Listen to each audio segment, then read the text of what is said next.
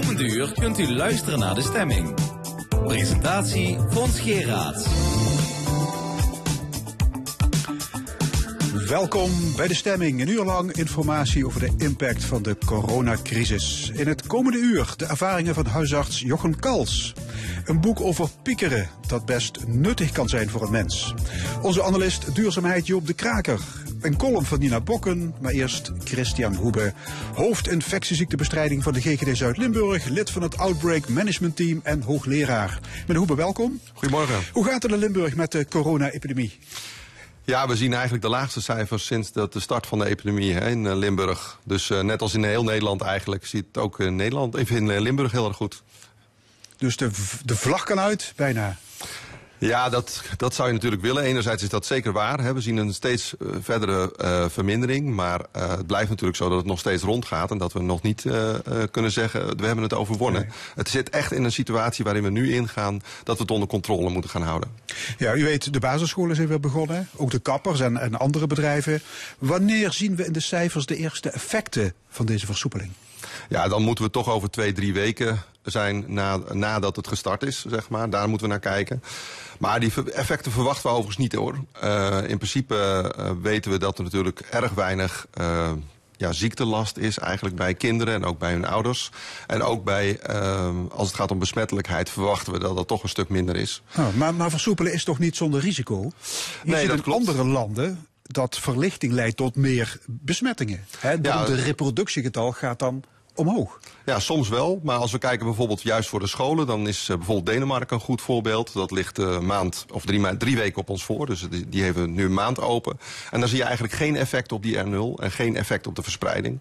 Um, dus dat hopen we eigenlijk ook voor Nederland. Ja, hoe komt het trouwens dat alle Europese experts... met, ja, met, met grote ogen kijken naar Denemarken? Nou ja, dat is vooral dat omdat zij uh, vrij snel in de epidemie al meteen flinke maatregelen hebben genomen. En ook als eerste eigenlijk een heel aantal dingen loslaten. Dus ja, dat is een mooi voorbeeld. Uh, ze lopen als het ware op een aantal terreinen een paar weken voor. En zien we dus ook meteen de effecten bij hen. Um, ja, en dat kunnen wij natuurlijk meenemen. We moeten van, van alle dingen blijven leren, want het blijft uiteindelijk gewoon een nieuw virus. Ja, en het belangrijkste blijft natuurlijk het gedrag van mensen. Als iedereen Absoluut. anderhalve meter afstand houdt, dan is er in principe weinig reden tot ongerustheid. Dat klopt, ja. Ja, premier Rutte had het over blijvende zelfbeheersing. Zo is het?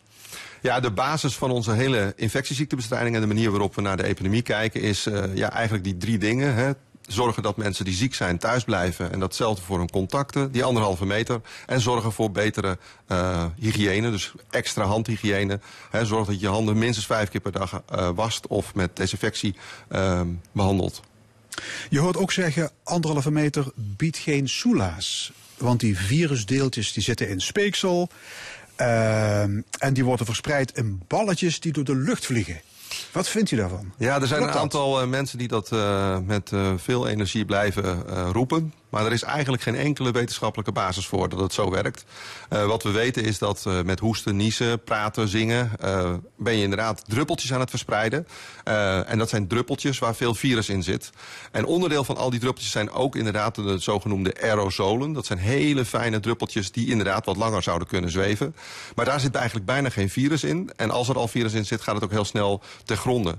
er is onderzoek gedaan waarom we ook die anderhalve meter aanhouden. Dat eigenlijk 99% van die druppeltjes al uh, nou ja, naar de grond gaat op het moment dat we een meter afstand hebben. Dus wij houden veiligheidshalve 1,50 meter aan. Anderen doen 1,80 meter, sommigen doen 2 meter. Maar eigenlijk die afstand maakt heel veel goed. Ja, dus u zegt eigenlijk kantoortuinen bijvoorbeeld, zeker met die anderhalve meter afstand, de nieuwe inrichting, die zijn 100% veilig. Ja, nou, we gaan altijd uit van risico's. Dus dat betekent dat je het grootste deel van het risico weg hebt genomen. En dat blijkt ook. Hè, we hebben uiteindelijk die 2,5 maand, die anderhalve meter, was een van de belangrijke pijlers van die infectieziektebestrijding. En dat heeft erg goed geholpen.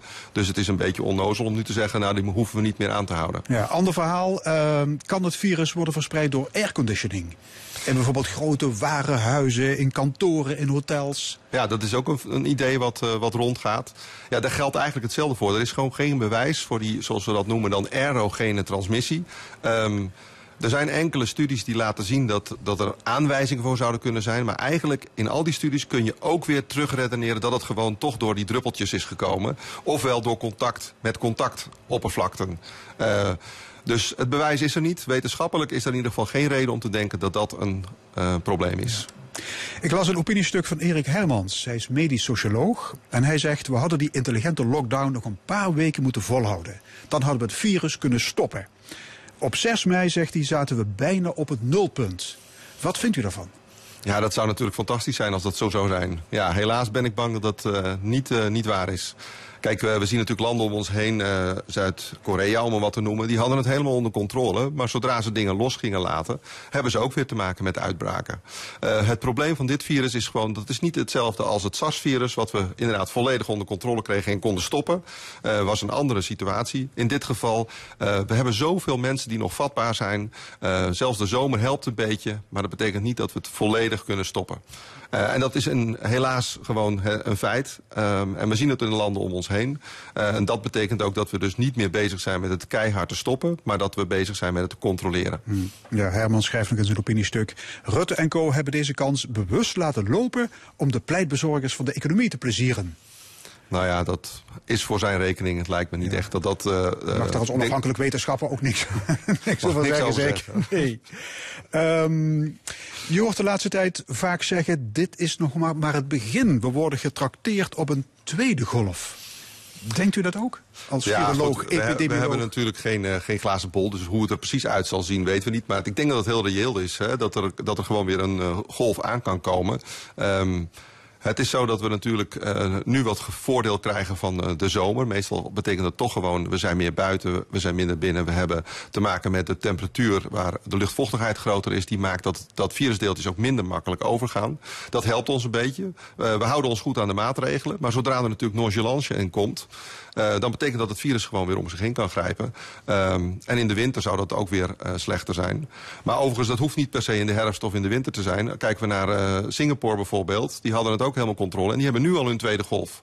Dus mm. dat soort dingen kunnen gewoon gebeuren. Zodra ja. wij en dat gaat dan vooral precies om dat menselijke gedrag. Wij zijn degene die uiteindelijk met z'n allen bepalen of dat virus weer makkelijk rond kan gaan of niet. Ja, maar u heeft er geen hard bewijs voor dat die tweede golf er inderdaad komt. Het is meer vingers, nou ja, we denken, we denken dat het gewoon een virus is wat de komende jaren, tenzij er een, uh, een vaccin komt, of dat uiteindelijk de immuniteit toe gaat nemen, maar dat duurt nog veel langer. Zolang dat het geval is, betekent dat het virus onder ons is en dan is het logisch dat het een golvend patroon zou kunnen zijn. Ja, de WHO zegt, mogelijk zal dit virus nooit verdwijnen. Ja, nou, dat is in feite natuurlijk met het influenzavirus ook. Alleen wordt natuurlijk de manier waarop het dan uh, terugkomt in ons leven... zal dat eerder, hè, als we het eenmaal uh, uit deze meer epidemie epidemiefase zijn, pandemiefase zijn... dan zou het bijvoorbeeld gewoon een virus kunnen zijn... wat in de winter terugkomt als een verkoudheidsvirus. Uh, zeg maar in onze, zeg maar elke winter opnieuw. Dus in die zin zou het goed kunnen dat we dat nooit meer kwijtraken, dat klopt. Ja. In Duitsland is gisteren de voetbalcompetitie hervat. De Bundesliga zonder publiek. Vindt u dat kunnen?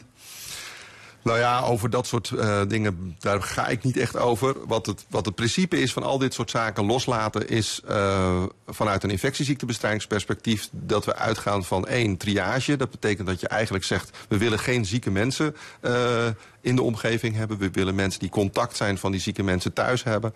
Uh, je wil dat die anderhalve meter zoveel mogelijk wordt gehanteerd. En uh, je wil dat mensen extra hygiëne doen. Nou, en binnen dat kader worden er dingen losgelaten. Um, en natuurlijk weet ik dat het een contactsport is. Nou is het niet zo dat op het moment dat je maar korte tijd met iemand, he, langs iemand loopt bijvoorbeeld, dat je dan het virus kan krijgen. Um, op het moment dat mensen ook getest worden, uh, zullen er best veiligheidsmanieren zijn dat het toch niet zoveel risico met zich meebrengt. Ja, maar ik zag ook hele pelotons uh, wielrijders vanmorgen op de weg. Ja, dat is volgens mij nog niet de bedoeling. Nee, oké. Okay. Tot slot, uh, wat is uw advies, uw oproep, uw cri de coeur voor de mensen thuis? Ja, wat, wat ons opviel was dat, uh, dat er toch een aantal kinderen zijn die uh, nu nog niet naar school mogen omdat ze bijvoorbeeld chronisch al hoesten. Hè, bijvoorbeeld door astma of door, um, door allergie of dat soort zaken. En dat vinden we toch wel een hele zorgelijke situatie. Uh, kijk, ik snap het dat kinderen thuis moeten blijven als ze klachten hebben. Maar niet als dat natuurlijk gewoon bekende klachten zijn die ze gewoon al heel lang hebben. Dus die kinderen zouden eigenlijk gewoon naar school moeten. Dus ik roep ook op om dat eigenlijk te doen.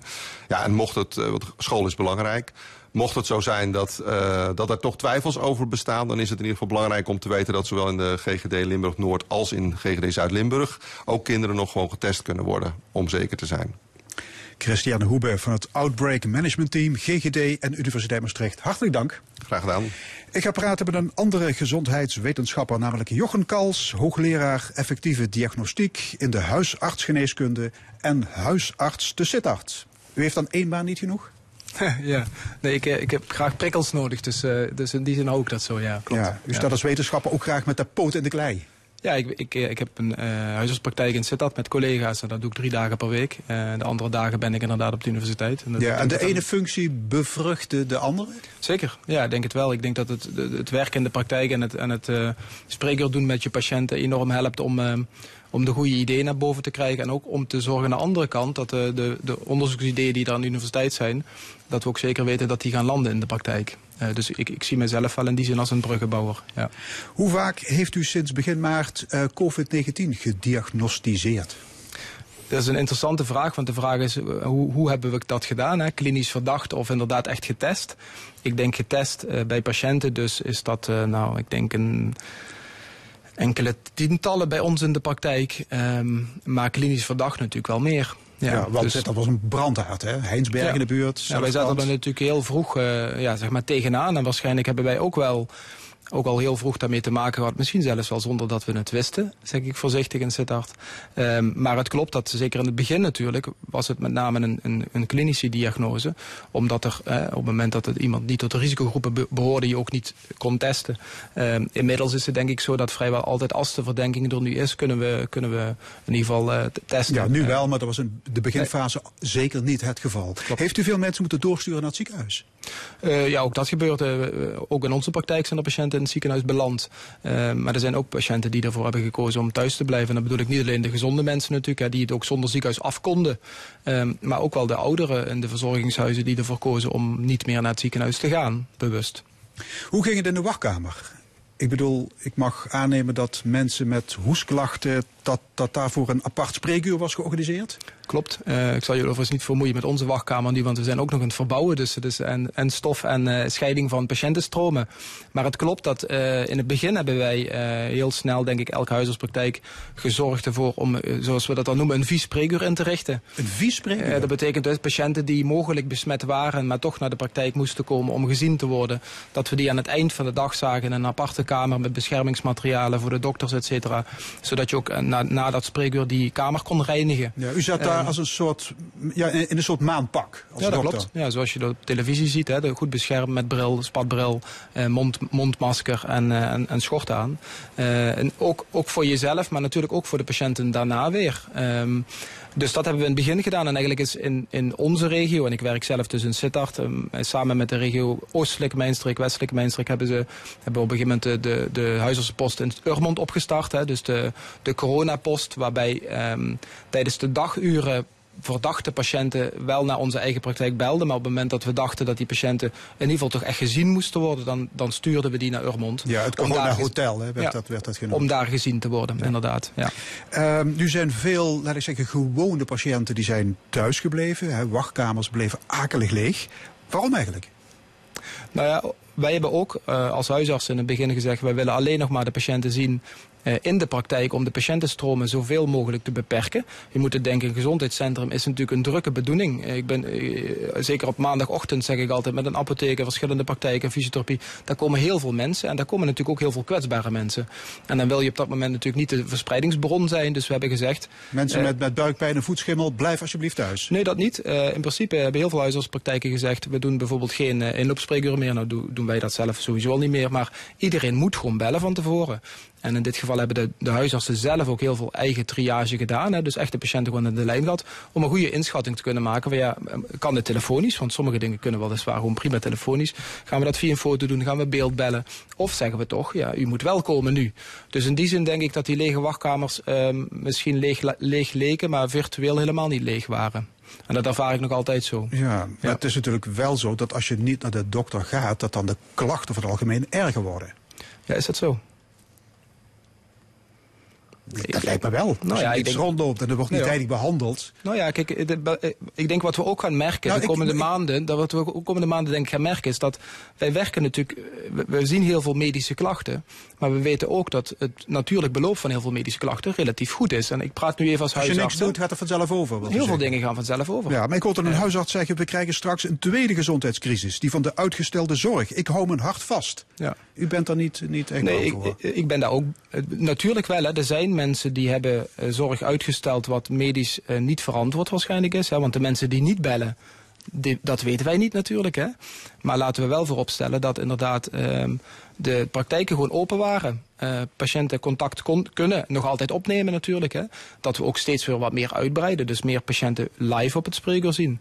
En de urgente klachten worden gewoon gezien. En het is ook zo geweest dat de urgente klachten tijdens de echte crisis, hè, die nu een heel klein beetje voorbij is, dat die ook in het ziekenhuis gewoon werden gezien. Dus dat wij gewoon het contact met de medisch specialisten hadden om die patiënten wel te kunnen doorsturen, ondanks de coronadrukte. Ik heb begrepen dat van de patiënten op de intensive care, eh, dat van die groep 80% obesitas had. Dus die, die hadden zwaar overgewicht. Eh, klopt het dat obese mensen harder worden getroffen door het virus? Het is in ieder geval zo dat ehm, als we naar die hele slechte uitkomst kijken, en een intensive care opname is gewoon een hele slechte uitkomst eh, van die paar procent die daar belandt, dan kloppen de cijfers en dat zien we volgens mij ook internationaal, dat daar inderdaad mannen in de overgrote meerderheid zijn en ook ehm, in dit geval mannen met overgewicht. Ehm, Dus een gezonde leefstijl kan het verloop van de ziekte verzachten. Dat kun je. Dat, dat kun je nee? Dat weten we niet. Wat we in ieder geval zeker weten is dat, dat eh, mannen en mensen met overgewicht een grotere kans op een hele slechte uitkomst hebben.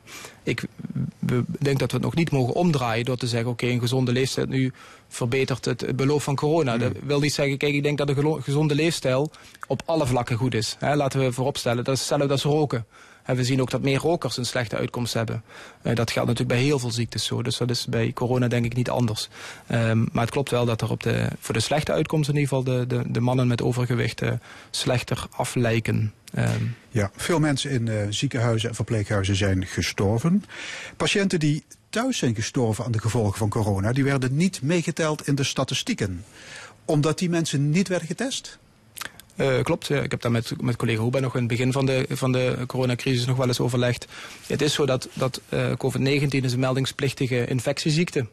Eh, en ik, ik hoor graag correcties van de overkant als het anders is. Maar het is zo dat bij een meldingsplichtige infectieziekte heb je een microbiologische diagnose nodig. Dus er moet, een, er moet iets aangetoond zijn. Net als bijvoorbeeld bij een leg- legionelle infectie.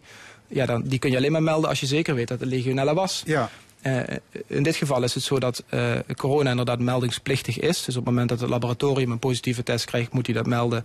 Als een dokter zeker in het begin eh, dacht aan corona, moest hij het ook nog melden. Maar inderdaad, bij het overlijden kun je alleen maar de overlijdens melden die ook echt cor- eh, corona-positief getest waren. Ehm, er werden ook wel schaduwlijstjes bijgehouden door enkele GGD'en. Die zeiden, bel toch maar als je er klinisch aan denkt. Dat schrijven wij ook op, maar ze komen in ieder geval niet terug in de RIVM-cijfers. Ja. Dat klopt. En nu heeft u een platform opgericht waarin meldingen konden worden geregistreerd. Hij Ja. wilde de verborgen sterfte als het ware zichtbaar maken. Ja, we wilden vooral eh, als huisarts in Nederland, hè, want het is niet, niet alleen mijn project, we hebben dat met alle acht huisartsenvakgroepen in het land gedaan. Omdat de signalen van de beroeps, beroepsgroep ook wel kwamen, met name uit Brabant, Gelderland en Limburg, van hey, wij zien echt veel meer dan er in de, in de cijfers terugkomen. Daar zijn allerlei verklaringen voor. Maar, Maar hoe weet je dat die mensen thuis aan corona zijn gestorven?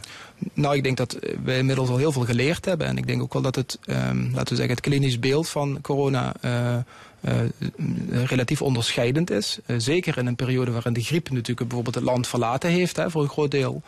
En met name het, het beeld met de lage zuurstofwaardes die we bij patiënten zien, is heel klassiek.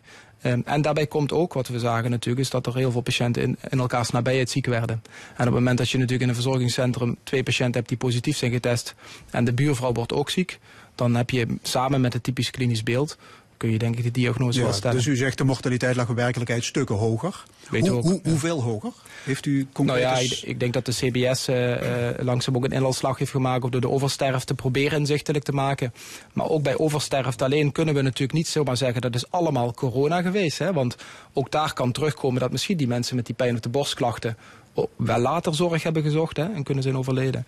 Wat we nu wel aantonen, in ieder geval in, in, in ons meldingssysteem van huisartsen, hebben wij nu op dit moment, ik geloof 936 patiënten die gemeld zijn die overleden zijn in het land, die corona verdacht waren, maar niet zijn getest. 936. En dan hebben we het over de huisartspatiënten en de verpleeghuizen in Nederland doen zo'nzelfde registratie inmiddels.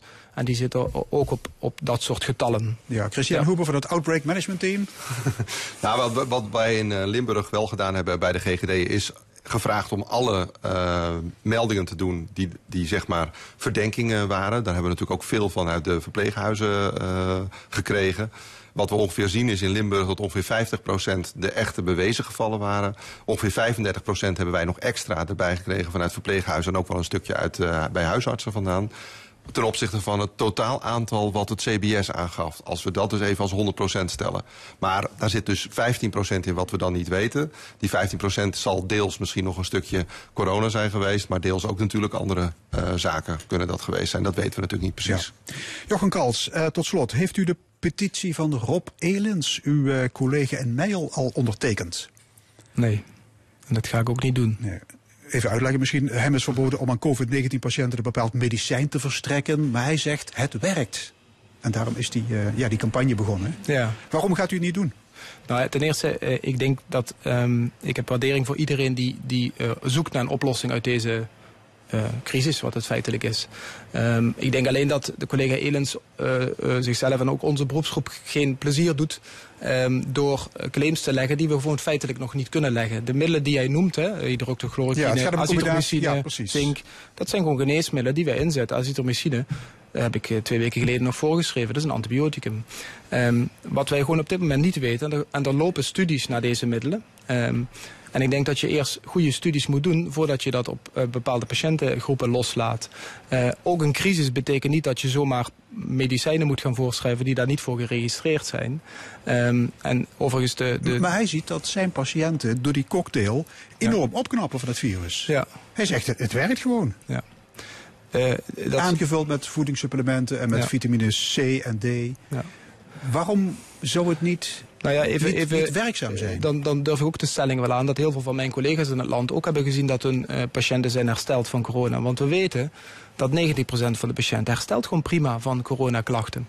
Of ik ze nou uh, drie keer door een hoepel laat springen of uh, hydroxychloroquine voorschrijf. En dat bedoel ik niet badinerend, maar ja. waar het om gaat is dat we moeten nette studies doen om te kijken of die middelen bij deze groep patiënten goed zijn, veilig zijn.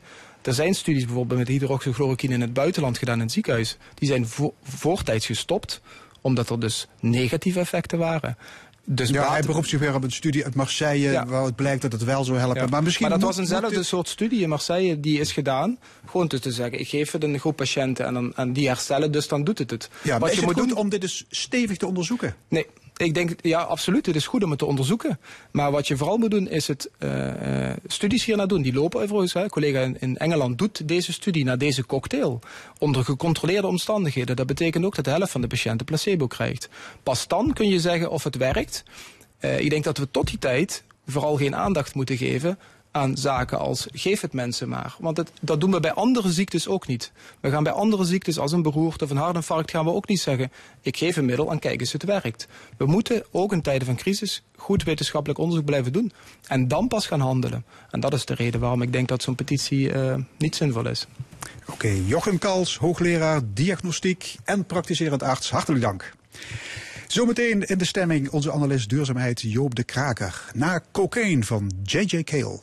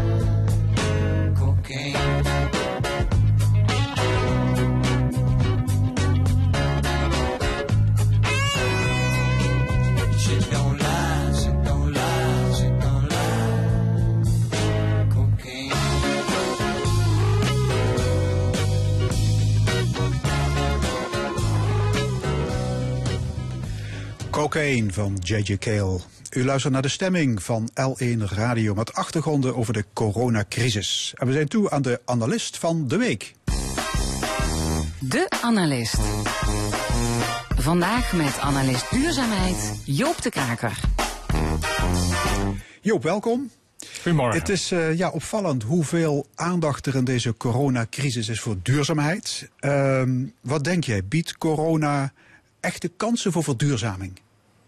Ja, die uh, aandacht is mij natuurlijk ook opgevallen als duurzaamheidsspecialist. ik uh, hoor wel heel veel uh, wensdenken. Hè. De vader is dan. de gedachte van de vader is de wens. ik hoor ook heel veel mensen met dringende adviezen, manifesten en zo. Maar dat zegt natuurlijk allemaal weinig over de kansen die er echt zijn. Wat we willen is natuurlijk niet wat, wat er echt ook mogelijk is, waarschijnlijk. Ja, dus veel wishful thinking, maar je denkt dat er wel degelijk kansen liggen. Ja, dat denk ik wel. Uh, ik zie er uh, zo echt wel uh, vijf goede kansen. Maar ook van die vijf kansen geldt dat het echt heel onzeker is of daar nu echt wat uit gaat komen. Ja, begin eens met kans nummer één. Ja, de eerste kans is wat je is eigenlijk geen kans. Je ziet het gewoon al gebeuren. Is dat de overheid beleid wat al op de plank ligt, duurzaamheidsbeleid, nu gaat uitvoeren. Nu de oppositie wat verzwakt is. Hè, dan is er een uh, kans om dat uh, zonder al te veel weerstand in te voeren. Je ziet dat met het stikstofbeleid. Uh, je ziet dat met Schiphol. dus dat, dat gebeurt gewoon al. Of dat nog veel meer gaat worden, dat weet ik niet. Ik ben benieuwd. Ja. En verder zou het kabinet bijvoorbeeld het klimaatakkoord versneld kunnen uitvoeren? Zou je dat kans nummer twee kunnen, kunnen noemen? Ja, dat, dat uh, is uh, wel kans twee. Dus dat je uh, beleid wat al in uitvoering is gaat versnellen. denk aan de bouwwereld. ja, daar dreigt nou ook een crisis. Hè. Veel van de marktvraag valt daar weg. je zou als overheid dan de bouwsector kunnen steunen door investeringen versneld gaan uitvoeren. En we willen allemaal windparken gaan aanleggen, we willen zonneparken gaan aanleggen, we willen wijken aardgasvrij maken. Allemaal werk voor de bouw. Als je dat uh, nou versneld gaat uitvoeren, die investeringen naar voren halen, dan uh, steun je en de sector en, en je steunt uh, de verduurzaamheid. Ja, er wordt ja, hier en daar gepleit om financiële steun aan bedrijven te koppelen aan eisen op het gebied van duurzaamheid. Hè, KLM bijvoorbeeld, je krijgt een paar miljard, maar dan moet je wel vergroenen. Is dat een goed plan? Nou, het klinkt in elk geval als een heel goed plan. Uh, het, het, klinkt ook heel logisch en aantrekkelijk. Uh, dus je ondersteunt de economie. En op hetzelfde moment met dat geld uh, verduurzaam je de economie ook. dus je slaat twee vliegen in één klap. Ja. Heel mooi. ik zie daar wel wat haken en ogen aan. Want verduurzaming betekent dat je de zaak toch anders moet gaan inrichten als bedrijf. Je moet zaken anders gaan aanpakken. Dat vergt investeringen. Uh, de bedrijven hebben dat geld op dit moment niet voor die extra investeringen. En al ja, een heel groot deel van het geld wat de overheid nu in de economie stopt, zijn gewoon salarissen. Zijn uh, ja, bedoeld om de mensen aan het werk te houden, betaald te krijgen. En of daar nog heel veel geld overschiet voor die investeringen die dan nodig zijn voor die verduurzaming, dat weet ik niet. En verder is het zo dat als je gaat verduurzamen, wordt je product ook duurder. En ja, dat betekent dat als de crisis voorbij is en die bedrijven weer moeten concurreren in een open economie, uh, het wel lastiger wordt om snel te herstellen met zo'n duurder product. Ja, het is een sympathiek idee, maar er zitten in de praktijk haken en ogen aan. Dat, ja. dat zeg je eigenlijk. Hè? Goed, dan kans nummer, waar waren we? Vier. Ja, kans nummer vier, die uh, betreft mezelf. Dat gaat eigenlijk om de waardering die mensen nu weer zien voor, voor feiten, voor wetenschappelijke kennis, voor adviezen van wetenschappers. Dat is met de klimaatcrisis steeds heel omstreden allemaal. En uh, je ziet nu dus dat Rutte die uh, roept van nou de adviezen van het Outbreak Management Team, wat allemaal uit wetenschappers bestaat. Ja, we hebben er net eentje gehoord. Ja, die, die zijn heilig, uh, heeft hij zelfs geroepen. het is een echte heilige verklaring van wetenschappers. Nou, dat hoor ik natuurlijk graag als wetenschapper. en hij vaart ook heel sterk op de cijfers. Hij zegt van nou elke versoepeling, we wachten eerst af, we kijken naar de cijfers, dan gaan we, precies, dan gaan we besluiten wat we gaan doen. Kijk, voor klimaatbeleid we dat natuurlijk ook graag horen. Dat uh, Rutte en andere regeringsleiders zo op wetenschappelijk adviezen gingen varen. Daar kwam er wat meer schot in. Maar goed, een pandemie is toch heel wat anders dan klimaatverandering. En ja, infectiedeskundigen, zoals collega Hoebe ja, die adviezen en die kennis is eigenlijk nooit omstreden geweest. Zoals wel bij klimaat. Dus ik ben bang dat voor klimaat niet zo gaat werken. Ja, maar, maar je zegt bij een epidemieuitbraak wordt er daarna wel geluisterd naar deskundigen. Waarom dan niet op het gebied van klimaatverandering en energietransitie? Ja, omdat uh, daar de gevolgen van niet luisteren uh, niet meteen zichtbaar zijn. He, uh, je hebt nee, in het Amerika is, wel, het is wel even urgent, zou je kunnen zeggen. Het is even urgent, alleen is de termijn toch iets langer. Dus je ziet in Amerika waar Trump eerst niet wil luisteren, ja, hij dan heel snel teruggefloten wordt, want daar ontstaat een enorme uitbraak. Met klimaat zullen uiteindelijk de gevolgen net zo groot zijn. Alleen duurt dat toch even langer. Ja, waarschijnlijk na zijn regeringsperiode helaas. Dus geen correctie. Ja. Joop, je kunt zeggen dat de coronacrisis heeft blootgelegd hoe kwetsbaar het huidige systeem is. Uh, zie jij voldoende politieke wil en draagvlak bij de bevolking om dingen fundamenteel aan te pakken en duurzamer in te richten? Nou, dat is wel wat veel mensen hopen. Dus dat we uh, door de, echt die kwetsbaarheid van het systeem voor zoiets als een pandemie aan te pakken, dat we dat kunnen combineren met het systeem veel duurzamer te maken. Een heel belangrijke factor in die verspreiding van dat virus, waardoor we zo snel een pandemie hebben gekregen, is natuurlijk dat ja, goederen, mensen, uh, alles vliegt de wereld maar over. Uh, binnenlands rijden we steeds heen en weer van huis naar werk enzovoort. Dus die enorme verplaatsing steeds, dat heeft dat virus ook heel snel laten verspreiden. En dat grootscheeps verplaatsen is meteen ook een heel belangrijke oorzaak van de klimaatcrisis die we nu hebben. Dus als je dat zou aanpakken, zou je eigenlijk ook de klimaatcrisis aanpakken. Hè? Dus minder vliegen, uh, minder met de auto heen en weer gaan rijden, minder afhankelijk worden van goederen die aan de andere kant van de wereld worden gemaakt. Uh, dat zou iets als een pandemie aan kunnen pakken en zou ook klimaatcrisis aanpakken. Maar al die drie factoren ben ik bang dat er uh, relatief weinig draagvlak is. Het tast namelijk heel erg de economie ook aan. En denk aan iets als massatoerisme. Uh, denk aan iets als ja, producten uit China halen. Als we dat allemaal niet gaan doen, hè, massatoerisme, zie je dat de economie daar erg afhankelijk van blijkt te zijn. als we producten niet meer uit China halen, worden ze een stuk duurder. Hoe groot is het draagvlak daarvoor? Dus ik denk dat daar wel stapjes in gaan worden gezet, maar dat het kleine stapjes zullen zijn. Ja, maar als ik je goed begrijp, dan ben jij nogal somber gestemd over de kansen om de wereld duurzamer en groener en ecologischer te maken. Kleine stapjes. Ja, nou, daar schieten, we, schieten we niks mee op. nee, ik denk niet dat uh, deze corona-epidemie de gamechanger gaat worden. Wat veel we gaan hier niks van leren. We gaan er wat van leren op het gebied van pandemiebeheersing. Uh, maar dat zal daartoe beperkt blijven en dat zal niet uitgebreid worden tot een totale verduurzaming van ons systeem. En ons minder richten op uh, geld en materiële dingen? Dat... Uh... Nou, dat, dat is natuurlijk ook wat, wat uh, erg gehoopt wordt. Hè? Dus dat ook nu eigenlijk, uh, ja, nu we dingen minder kunnen enzovoort, dat daar eigenlijk een soort herwaardering ontstaat voor andere dingen dan al die spullen die we steeds in ons huis sleepten. het geld verdienen, nou ja, het, de gejachte banen die we hebben. Uh, dus dat we zouden kunnen gaan naar een samenleving waar het veel meer gaat om, om investeren in relaties, om genieten van een natuurwandeling, om vrijwilligerswerk te doen waar we blij van worden. Um, nou, dat zou heel mooi zijn. Uh, hoe groot is de kans dat er zo'n omslag komt? Uh, ik ben ook bang dat die niet heel groot is.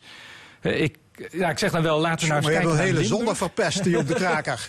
ja, nou ja, we zitten hier in Zuid-Limburg. We hebben daar 50 jaar geleden meegemaakt dat uh, de mijnen gesloten werden. Dat was een soort ja, enorme krimp van de economie. Zoals we die nu waarschijnlijk door corona kunnen verwachten. Nou ja, kijk wat er gebeurd is toen. Uh, zijn we toen allemaal gaan zeggen van, nou ja, ach, dat geld, uh, ach, die banen enzovoort, allemaal niet zo belangrijk. He, we hebben elkaar, we hebben de natuur en hebben we toen een heel duurzame samenleving gemaakt. Nou, trek je conclusie. Joop de Kraker, hartelijk dank. Dan nu de column. Hier is Nina Bokken. Voor het eerst tijdens de coronacrisis ging ik gisteren naar een afhaalrestaurant. Ik moest daar nog even wachten tot mijn bestelling klaar was. Plots stormde er een opgefokte gozer naar binnen. Ik dacht eerst dat het een bezorger was, maar die brengen meestal menus weg. Deze kwam met een zak eten naar binnen. Toen er een medewerker verscheen, gooide de jongen de zak naar hem toe met de exacte woorden: Hier heb je je schotel terug, idioot. Een beetje samurai saus er bovenop smeren en dan toch nog even stiekem de knoflooksaus eronder in duwen. Denk je dat ik idioot ben? Hoewel de medewerker niks wist uit te brengen, bleef de gast maar tieren over knoflooksaus die niet in zijn minuut had mogen zitten. Hij ging ervan uit dat de chef dit opzettelijk had gedaan. Toen de woedende jongen de zaak weer verliet, keek hij nog een keer om en riep hij: Onthoud dit gezicht maar! Het leek eigenlijk nog het meeste op een omgekeerde overval. Iemand onder getier en gedreig spullen opdringen zonder geld te eisen. Eerst hamsteren we nog de hele supermarkt leeg. Nu gooien we alweer met afhaalmaaltijden. Tot zover de evolutie. Ook het saamhorigheidsgevoel begint barstjes te vertonen. De euforie van samen overleven is uitgewerkt. Mensen raken prikkelbaar en geërgerd, omdat nu de gevolgen pas voelbaar worden. Die ergernissen en irritaties richten zich vaak op kleine dingen, zoals knoflooksaus, korting of een lekkende kraan. Dat doet langdurige onzekerheid met mensen. Niet om gedrag te vergoeilijken trouwens, voor iemand die de ander gaat lopen bedreigen vanwege knoflooksaus is corona nog wel het minste probleem. Maar overlevingsinstinct neemt het over. Steeds meer mensen stellen bijvoorbeeld ter discussie waarom die paar oudere mensen te redden tegenover alle ondernemers die omkiepen. Het zou je moeder maar zijn die daar eenzaam in een IC-bed ligt. Aanhoudende stress zorgt er ook voor dat onderlinge verschillen steeds scherper worden. Als het om overleving gaat, doen die er opeens veel meer toe. Discussies verharden en wantrouwen in elkaar neemt toe. Pas geleden verscheen er een Amerikaans onderzoek over de relatie tussen de Spaanse griep en de opmars van de nazi's in Duitsland. Daarin werd geschetst hoe de pandemie van toen de NSDAP makkelijker in het zadel hielp. In regio's waar het aantal virusdoden hoog was, werd opvallend veel extreem rechts gestemd.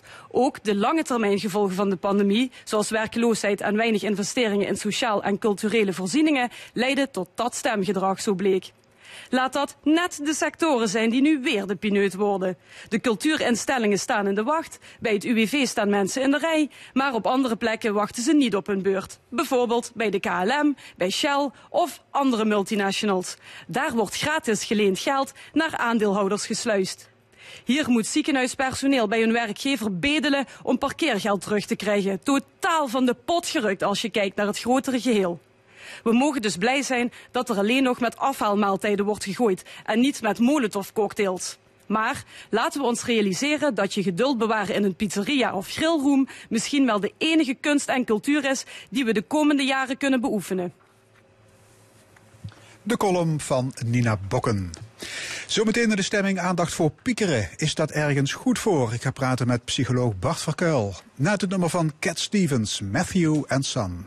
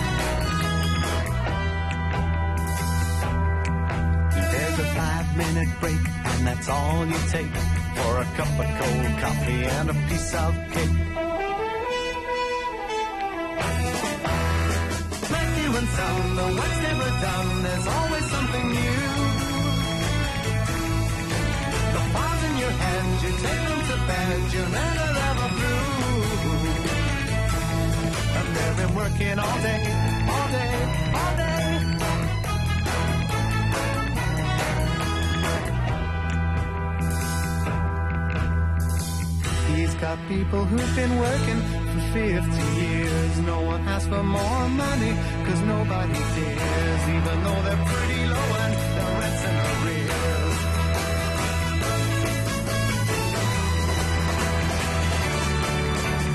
Matthew and Son. Matthew and Son.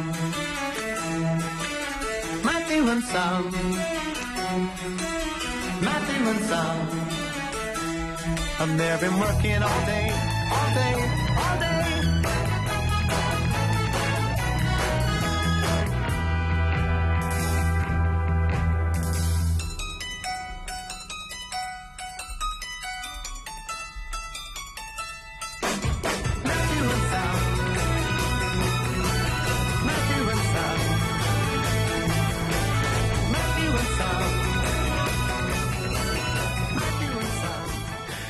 Coronacrisis, ik vertel niks nieuws, laat ook wonden op sociaal-emotioneel vlak. Het verlies van dierbaren, geen werk, geen inkomen, bang voor het virus, thuisblijven. Het leidt tot gevoelens van stress, angst en eenzaamheid. Kortom, er wordt wat afgepiekerd. En laat psycholoog Bart Verkuil daar nog net een boek over hebben geschreven. De gelukkige piekeraar. Meneer Verkuil, goedemorgen. Goedemorgen. De timing kon niet beter. Het is ongelooflijk. Ja, het eh, was niet, eh, natuurlijk niet te voorzien dat het eh, op dit moment dat we in deze fase zouden zitten. Maar het boek was eigenlijk nagenoeg af. En toen brak de coronacrisis uit. Dus ik heb daar nog een klein stukje over geschreven. Ja, u heeft het nawoord nog kunnen, nawoord. nog, nog kunnen aanpassen, zag ik. precies, En, precies. en daarom ja. schrijft u ook dat u aangedaan verrast bent door de vele hulpacties. U schrijft bezorgdheid en zorgzaamheid liggen dicht bij elkaar. Ja, dat vond ik heel opvallend om te zien inderdaad. Hoe er in buurten eh, toch hè, mensen die zich zorgen maken over hun buurt. eh, bijvoorbeeld oudere mensen in de buurt. Van, hè, zouden zij nog wel naar de supermarkt kunnen? Eh, misschien moet ik even bij ze langs gaan om te vragen of ik wat boodschappen voor ze kan halen. Mensen gingen echt voor elkaar zorgen. En tegelijkertijd zag je ook natuurlijk andere reacties. Hè, dat mensen heel erg aan zichzelf gingen denken en gingen hamsteren Ja, bijvoorbeeld. En of die vlak langs je medicijnen lopen. achterlieten. Ja, of die gaan fun shoppen. Dus de mens is niet opeens een heilige. Ja. Nee, zeker niet. Zeker niet. Eh, meneer Verkuil, ziet uw boek gaat over reacties. Ja, uw boek gaat over piekeren. Eh, welke mechanismen zitten erachter? Hè? Dat, dat legt u uit. Wat is het nut? Hoe kom je ervan af? Ja. Om te beginnen, wat is piekeren eigenlijk? Nou, piekeren is eigenlijk, eh, het zijn gedachten die vaak beginnen met wat als. Hè, zijn heel erg op de toekomst gericht. En het is vaak ook een aaneenschakeling van negatieve gedachten die gericht zijn op problemen die mogelijk kunnen ontstaan of eh, in de toekomst. En die een negatieve afloop voor jou kunnen hebben of voor mensen om wie je geeft. Het zijn vaak van die rampscenario's. Stel Ja, je het nou gaat, gaat niet om één gedachte, zegt u. Het is, een, het is een hele keten. Het blijft malen in je. Je, bent echt blijft in cirkeltjes precies, ronddraaien. Precies, precies. Ja. En u vergelijkt het met een langdurig negatief gesprek met jezelf. Ja, eigenlijk is dat het. Ja. Want je bent continu allerlei gedachten en scenario's tegen jezelf eh, aan het houden. Hè? Zijn het eigenlijk klopt. angstgevoelens? Nou, het ligt heel erg. Het is eigenlijk een beetje wat we ook wel zeggen. De, de, eh, de gedachte noemen we piekeren. En het gevoel wat er door eh, ge- getriggerd wordt, dat is angst en spanning. Ja. En wat kun je nu zeggen over al die, die, die muizenissen in je hoofd? Ik bedoel, zijn die reëel? Of is het een kwestie van overgevoeligheid? Ja, nou dat, dat is een hele goede en dat is ook een hele lastige.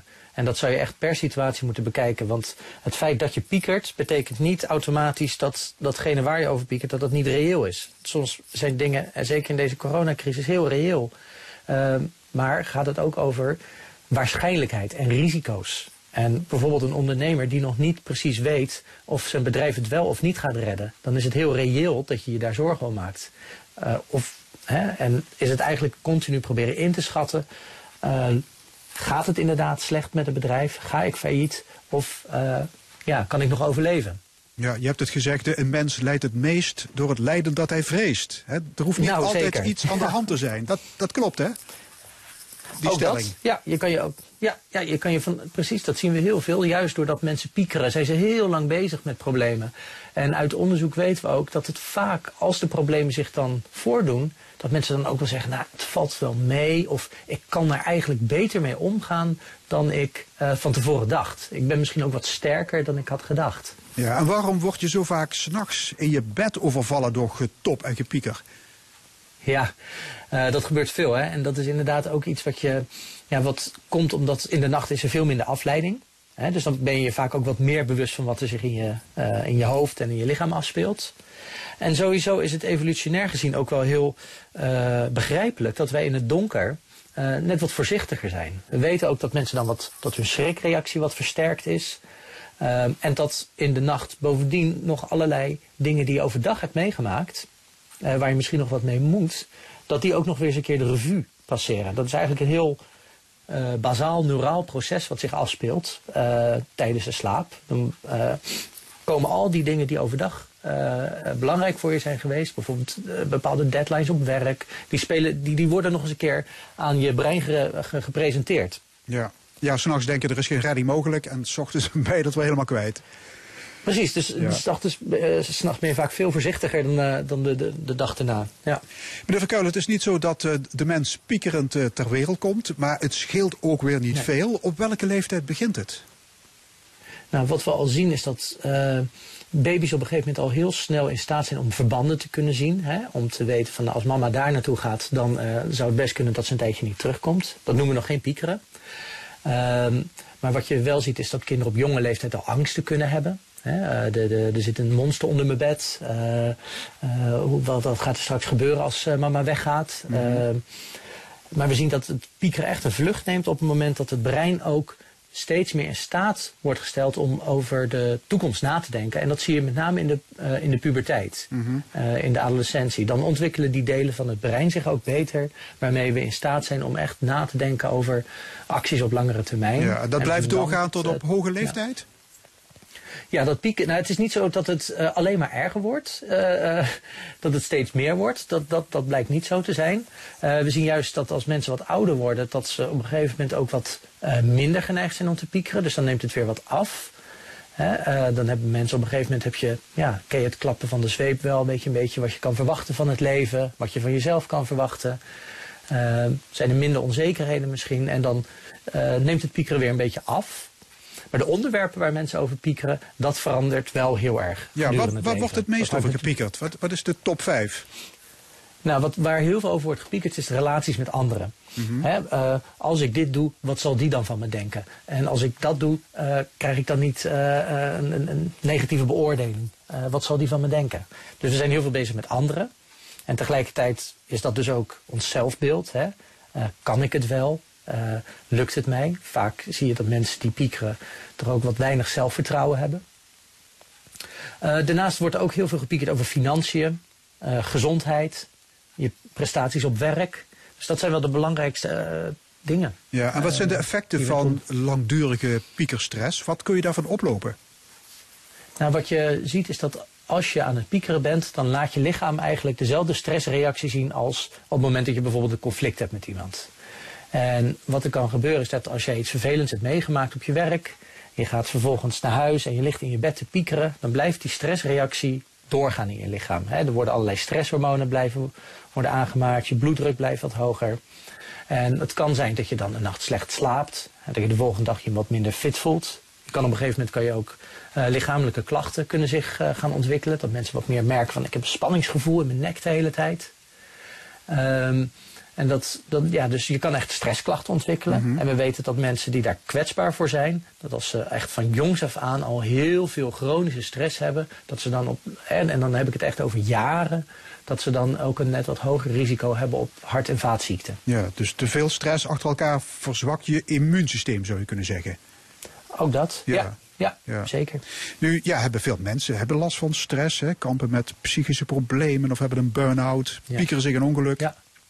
Is Ja. dat typisch voor de moderne prestatiemaatschappij met zijn targets en zijn deadlines en werkdruk? Ja.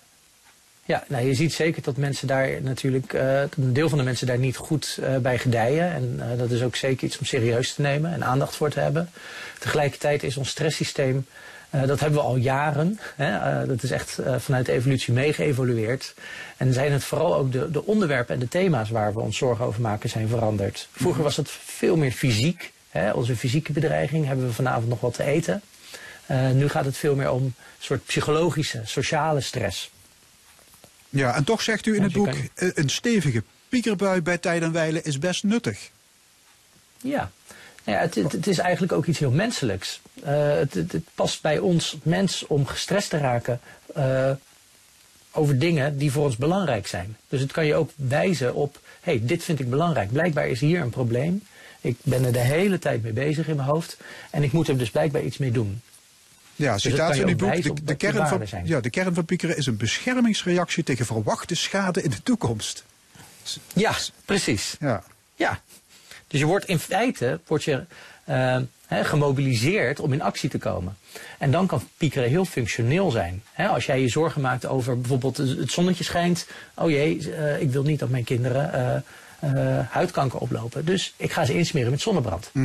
Hè, als jij in actie komt, is er niks aan de hand. Ja, het brein als eh, interne rookmelder. Heeft u trouwens een paar simpele tips om het piekergedrag af te leren? Uh, ja, dat is altijd heel individueel natuurlijk. Ik denk dat het heel belangrijk is om zelf ook na te gaan wat werkt voor jou.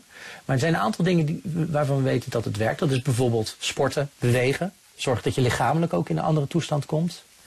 Uh, ontspanningsoefeningen. Zorg dat je lichaam tot rust komt. Het piekeren opschrijven. En dan haal je het ook een beetje uit je hoofd. Hè? En dan kan je wat concreet bedenken. Waar maak ik me nou echt zorgen om? En zijn daarin eh, dingen waar ik nog invloed heb? Kan ik dat probleem waar ik me zo zorgen over maak, kan ik daar nog stappen in zetten? En dat kan je dan gaan plannen. Vaak is het piekeren ook een brei van onoplosbare en oplosbare problemen. En als je daar een schifting in leert te maken, hier kan ik nog echt voor in actie komen.